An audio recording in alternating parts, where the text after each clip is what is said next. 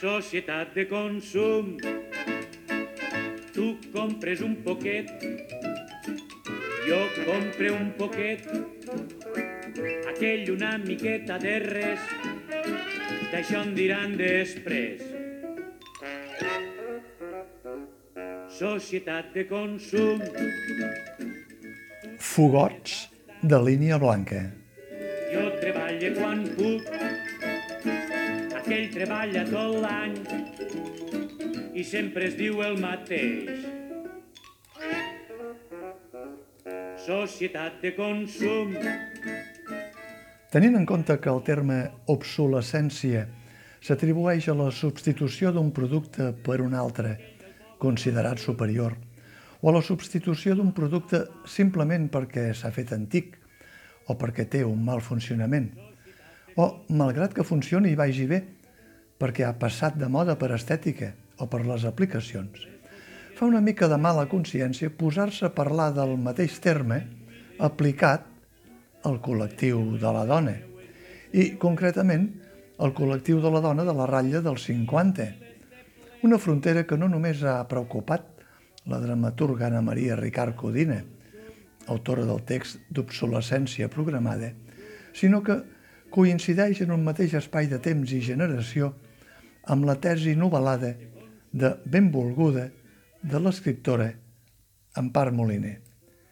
I encara fa més mala consciència parlar-ne si, fent cas del que adverteix l'autora Anna Maria Ricard Codina, la seva protagonista, per l'edat que no amaga, considera que, com si fos una màquina de rentar, ja no admet reparació superats els 3 anys de garantia perquè, com a dona, està sotmesa inevitablement a l'obsolescència planificada pel sistema de l'actual societat de consum.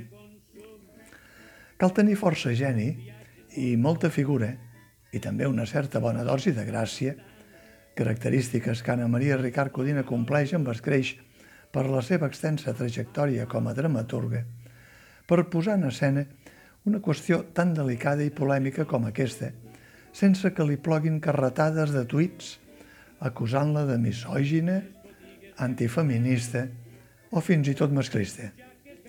Esclar que ella té, sempre es pot defensar elegant que tot el que passa a l'escenari de la seva obra és una metàfora i que en realitat del que vol parlar l'obra és del trist i reciclaire destí que tenen les màquines de rentar, entre altres electrodomèstics de línia blanca i de ràpida caducitat.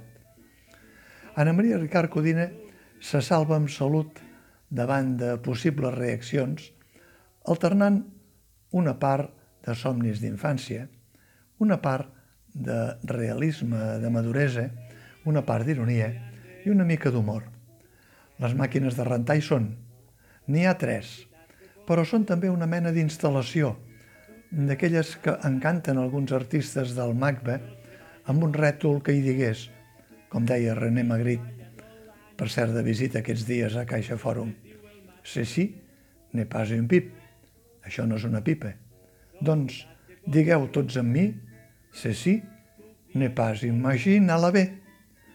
L'actriu Victòria Pagès és la protagonista de l'obra i la que s'emporta el centrifugat a l'aigua.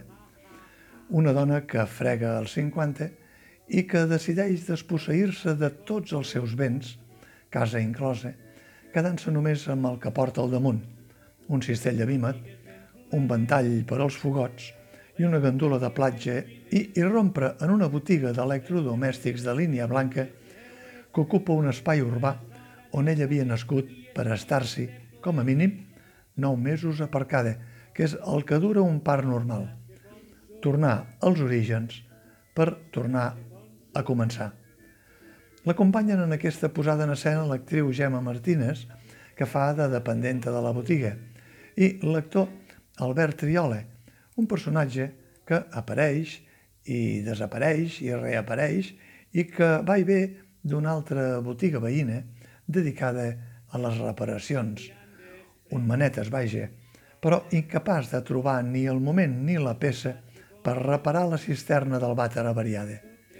I així, entre fogots i fogots i cops de ventall, la història es va confegint sense un discurs ni convencional ni lineal, sinó a partir de suggeriments, insinuacions, malentesos, imposicions, capritxos i rèpliques que en alguns casos s'acosten al gènere de l'absurd becatià, ara que Samuel Beckett ha tornat a la cartellera, i que en una ambientació escenogràfica de blanc immaculat i un finestral en cercle fosc que dona molt de joc com a espai dels somnis, només evoluciona amb el progressiu i lent pensiment, gairebé imperceptible, de les fulles d'una monstera deliciosa, comprada a la floristeria del costat, i el creixement progressiu i més perceptible de l'embaràs anunciat de la dependenta de la botiga. Tot programat. Autèntica obsolescència natural pel que fa a la monstera deliciosa i autèntic recanvi planificat i també natural pel que fa a l'embaràs de la dependenta.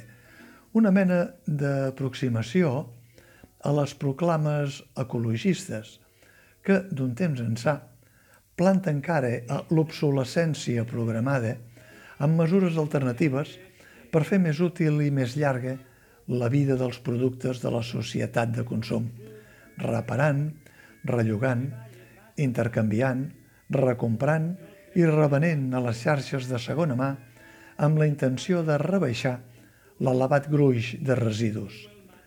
Cal interpretar, a partir d'aquesta obra d'Anna Maria Ricard, que el reciclatge ecologista de la dona de la franja dels 50 anys també és possible? S'admeten tuits reaccionaris a discreció, talment com si fossin fogots de línia blanca societat de consum.